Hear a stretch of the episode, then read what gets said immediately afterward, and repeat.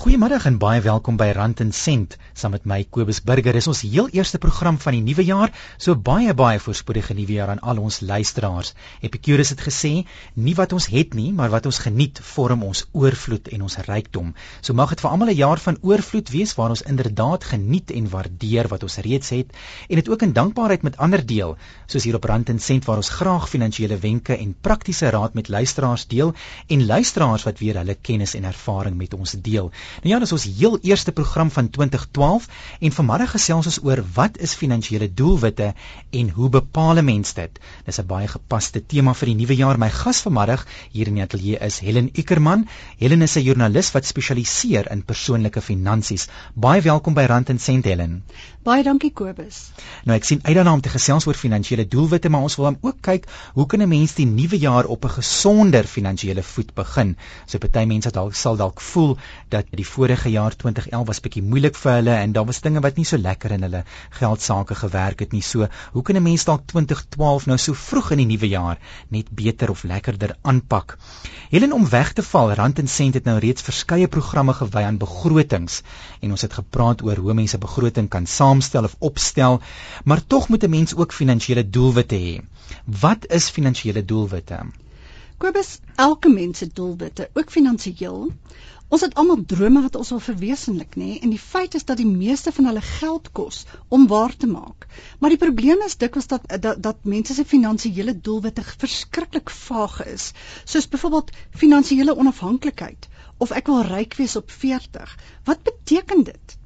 Jou jou doelwitte moet met ander woorde spesifiek wees. Wat beteken finansiële onafhanklikheid vir jou? Hoeveel geld behels dit? Wat presies beteken dit vir jou om ryk te wees?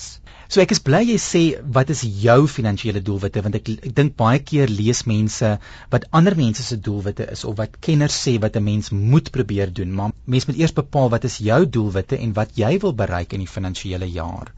Dit is reg Kobus, dit is altyd goed om na finansiële kenners te luister want hulle gee vir jou goeie raad oor die soort van doelwitte wat elke mens behoort te hê, soos vir aftrede of hoe om uit jou skuld uit te kom. Maar elke mens het ook persoonlike doelwitte, sy eie doelwitte wat hy nastreef. So wat is dan die eerste stap? Moet 'n mens 'n begroting opstel of moet jy eers jou finansiële doelwitte opstel? Vir my gaan jou finansiële doelwitte in 'n begroting eintlik hand aan hand. Dit is moeilik om die een sonder die ander een te doen. 'n Mens moet onthou dat 'n begroting eintlik niks anders is as 'n geldplan nie, of dit nou vir 'n maand is of dit nou vir langtermyn doelwitte is. 'n Begroting is niks anders as die finansiële planne wat jy maak om jou finansiële doelwitte te bereik. Dit dwing jou om vooruit te dink en om jou geldsaake deeglik te beplan. Dit gee ook rigting aan jou toekoms en dit leer jou finansiële dissipline. Sommige mense sal sê jy moet eers die doelwitte stel. Maar ek wonder soms daaroor want die doelwitte moet aanpas by jou vermoë. So dit help nie jy het geweldige doelwitte maar jou begroting kan dit nie hanteer nie. Mens moet die twee saam beplan.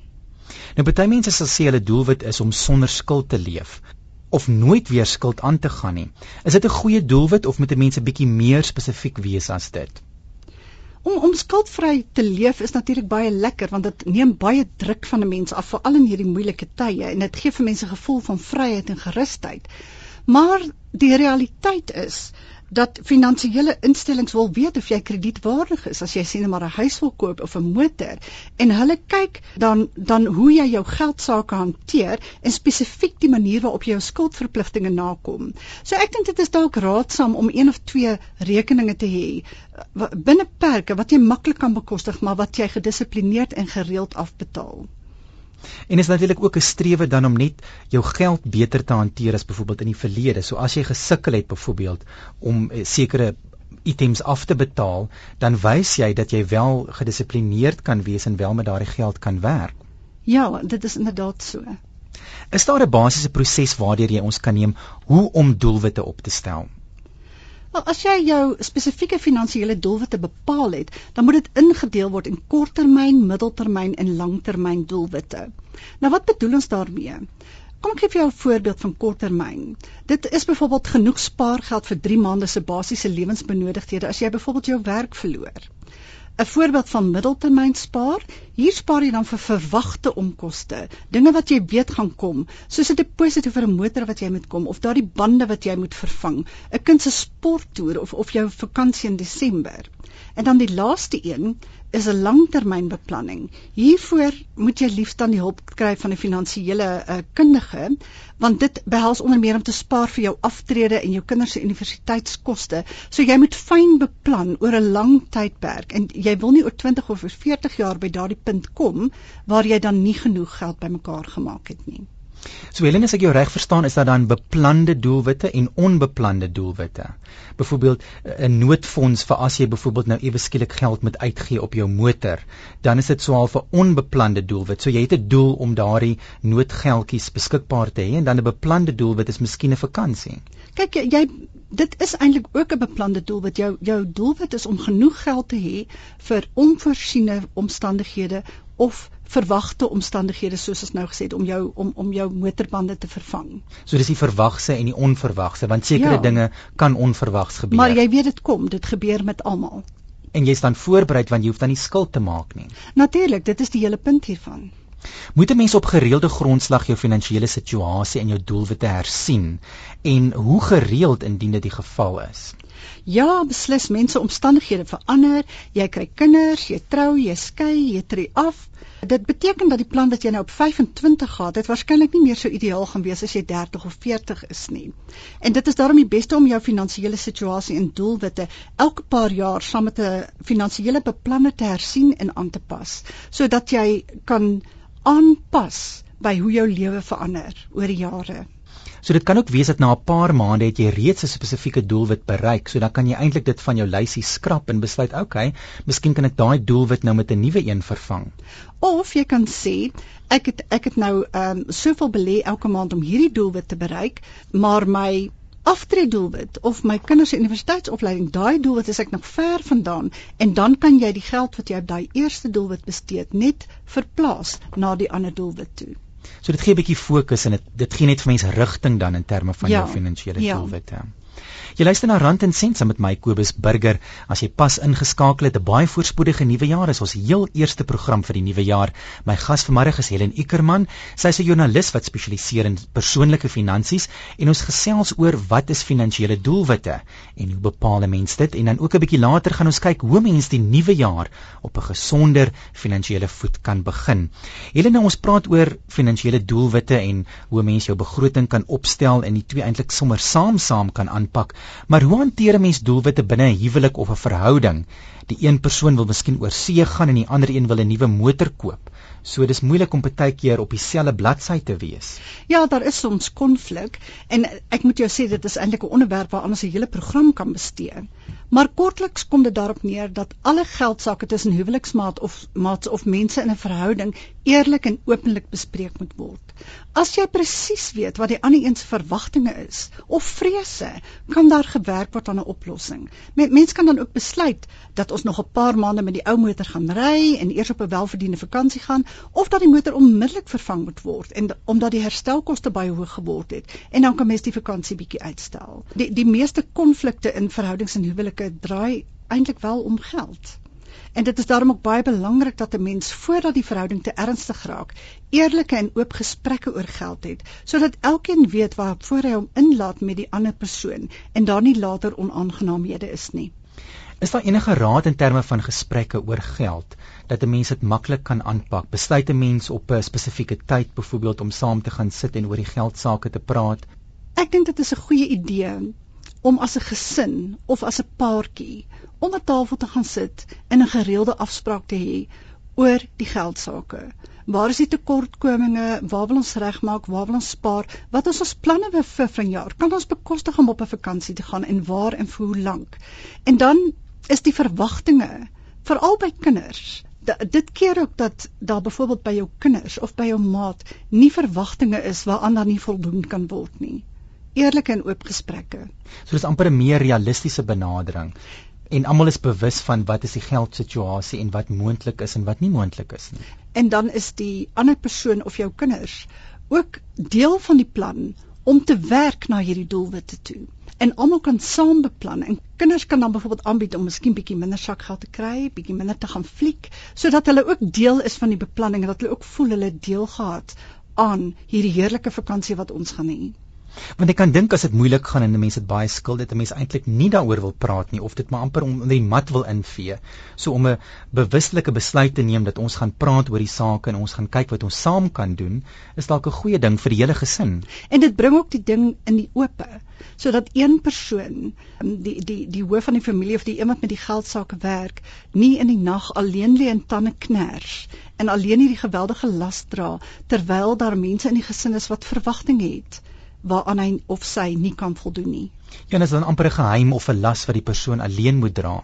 Ja, ek ek dink dit is vir baie mense ook 'n skande as hulle nie aan die gesin se verwagtinge kan voldoen nie. Maar ek dink dat hierdie is moeilike tye en dit is in elk geval 'n goeie ding as mens vir veral die jong span kan leer dat geld nie net aan bome groei nie, maar dat daar gewerk voor moet word en dat daar beplan moet word. Nou ons al voorheen verwys na prioriteite. Pas dit ook hierby in en moet iets so spaar dan 'n prioriteit wees.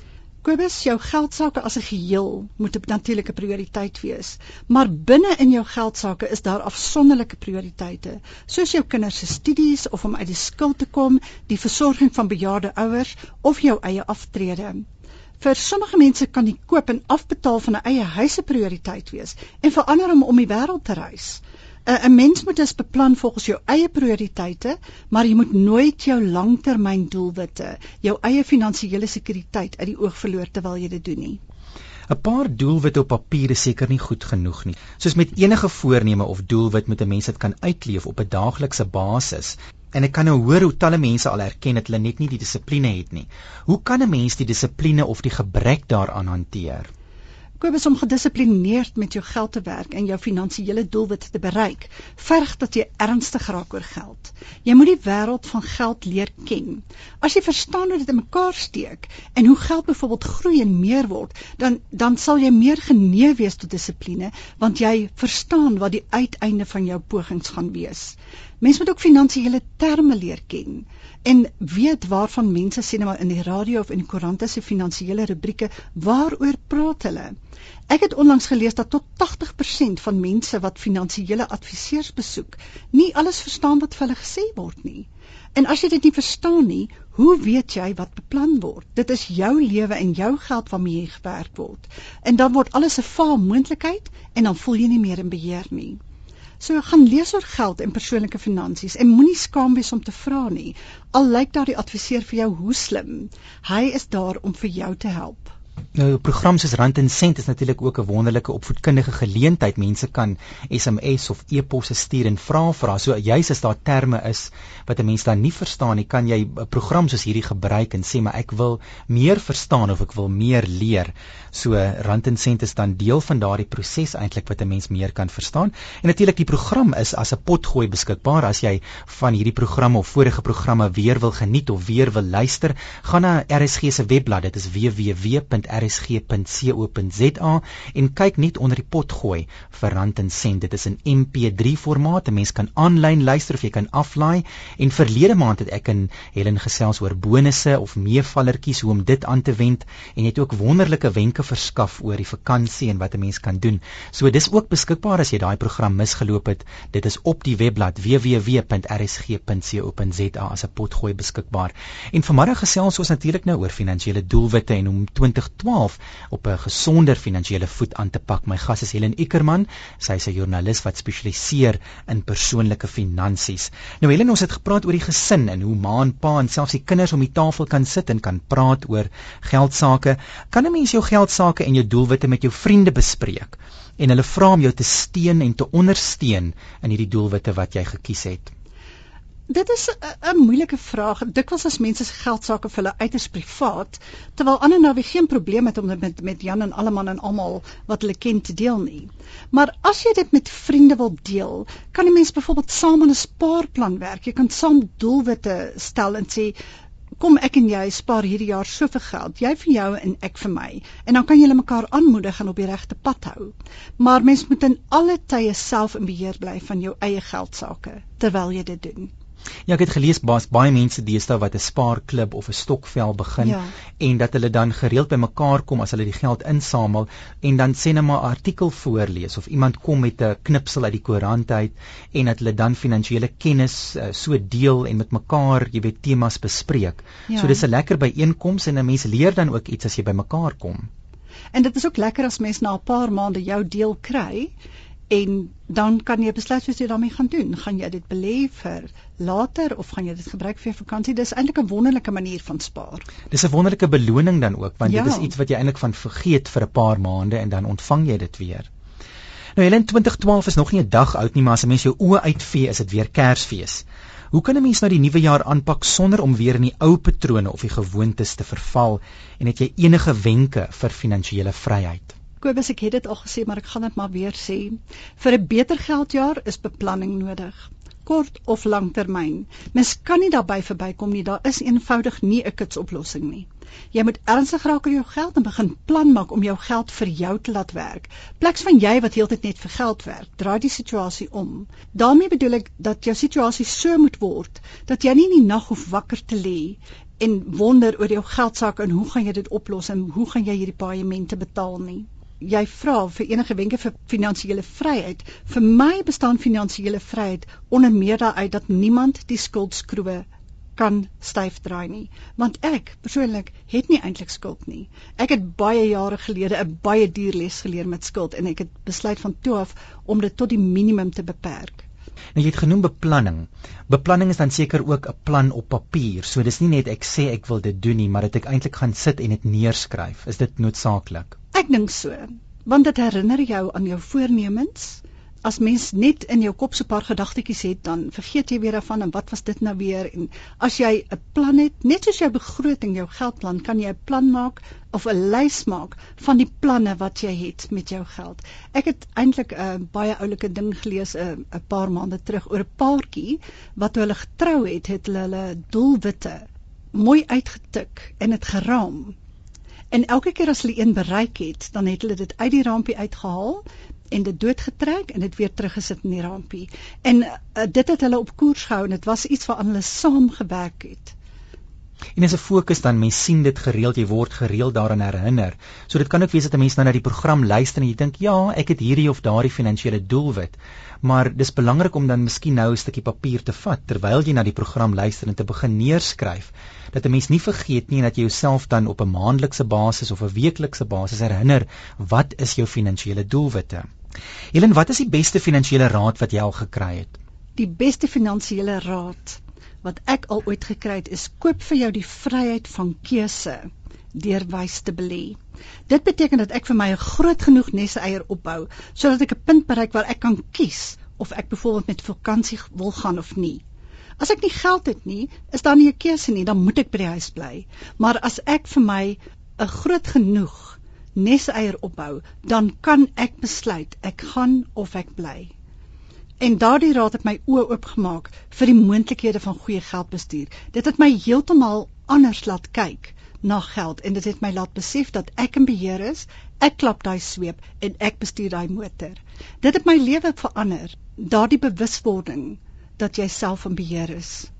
So daardie vryheid van keuse, as 'n mens dit nie het nie, sal dit wees dat jy kan sê maar ek kan nie vir jaar op vakansie gaan nie want ek het nie geld nie. Ja. Of ek of ek kan nie iets lekkers, ek kan nie saam met my vriende gaan uit eet nie want ek het nie die geld nie. So die ja. vryheid van keuse is dat 'n mens wel sekere keuses kan uitoefen en dat jy nie 'n gebrek aan geld of kontantvloei as 'n verskoning daarvoor gebruik nie. Ja, maar dan is dit nie eers meer 'n verskoning nie, Kobus, jy kan net nie. As as daar nie die die geld is nie, dan kan jy nie gaan nie. Jy kan nie bekostig om te gaan uit eet nie. Waar as jy voorsiening maak en beplan, dan kan jy. Maar as jy vasgevang, as jy nie daardie daardie kontantvloei of die geld beskikbaar het nie. Soos ons sê, is in hierdie geld knyp tang en hy knyp al hoe stywer. Ons moet amper groet, maar as daar nou luisteraars is wat nou op 1 Januarie 2012 al sit met groot skuld en eintlik bang is vir die jaar wat voorlê, is daar een ding wat hulle nou dadelik kan doen om hulle situasie te verander. Daar is nie 'n kitsoplossing nie, Kobus. Daar is net een ding wat 'n mens met skuld kan doen en dit is om dit af te betaal. Jy kan dadelik begin spaar op um, op jou uitgawes om dit moontlik te maak. Want mense sal nou sê, maar dis nie moontlik nie. Ek ek het nie nog geld om skuld af te betaal nie. Maar as jy mooi na jou uitgawes gaan kyk, dan sal jy waarskynlik 'n paar kry waarop jy kan spaar. En die klein goedjies kan al 'n groot verskil maak. Kan ek dalk vir jou 'n paar voorbeelde gee? Asseblief. Wel, jy kan byvoorbeeld 'n vinnige stort neem pleks van 'n bad.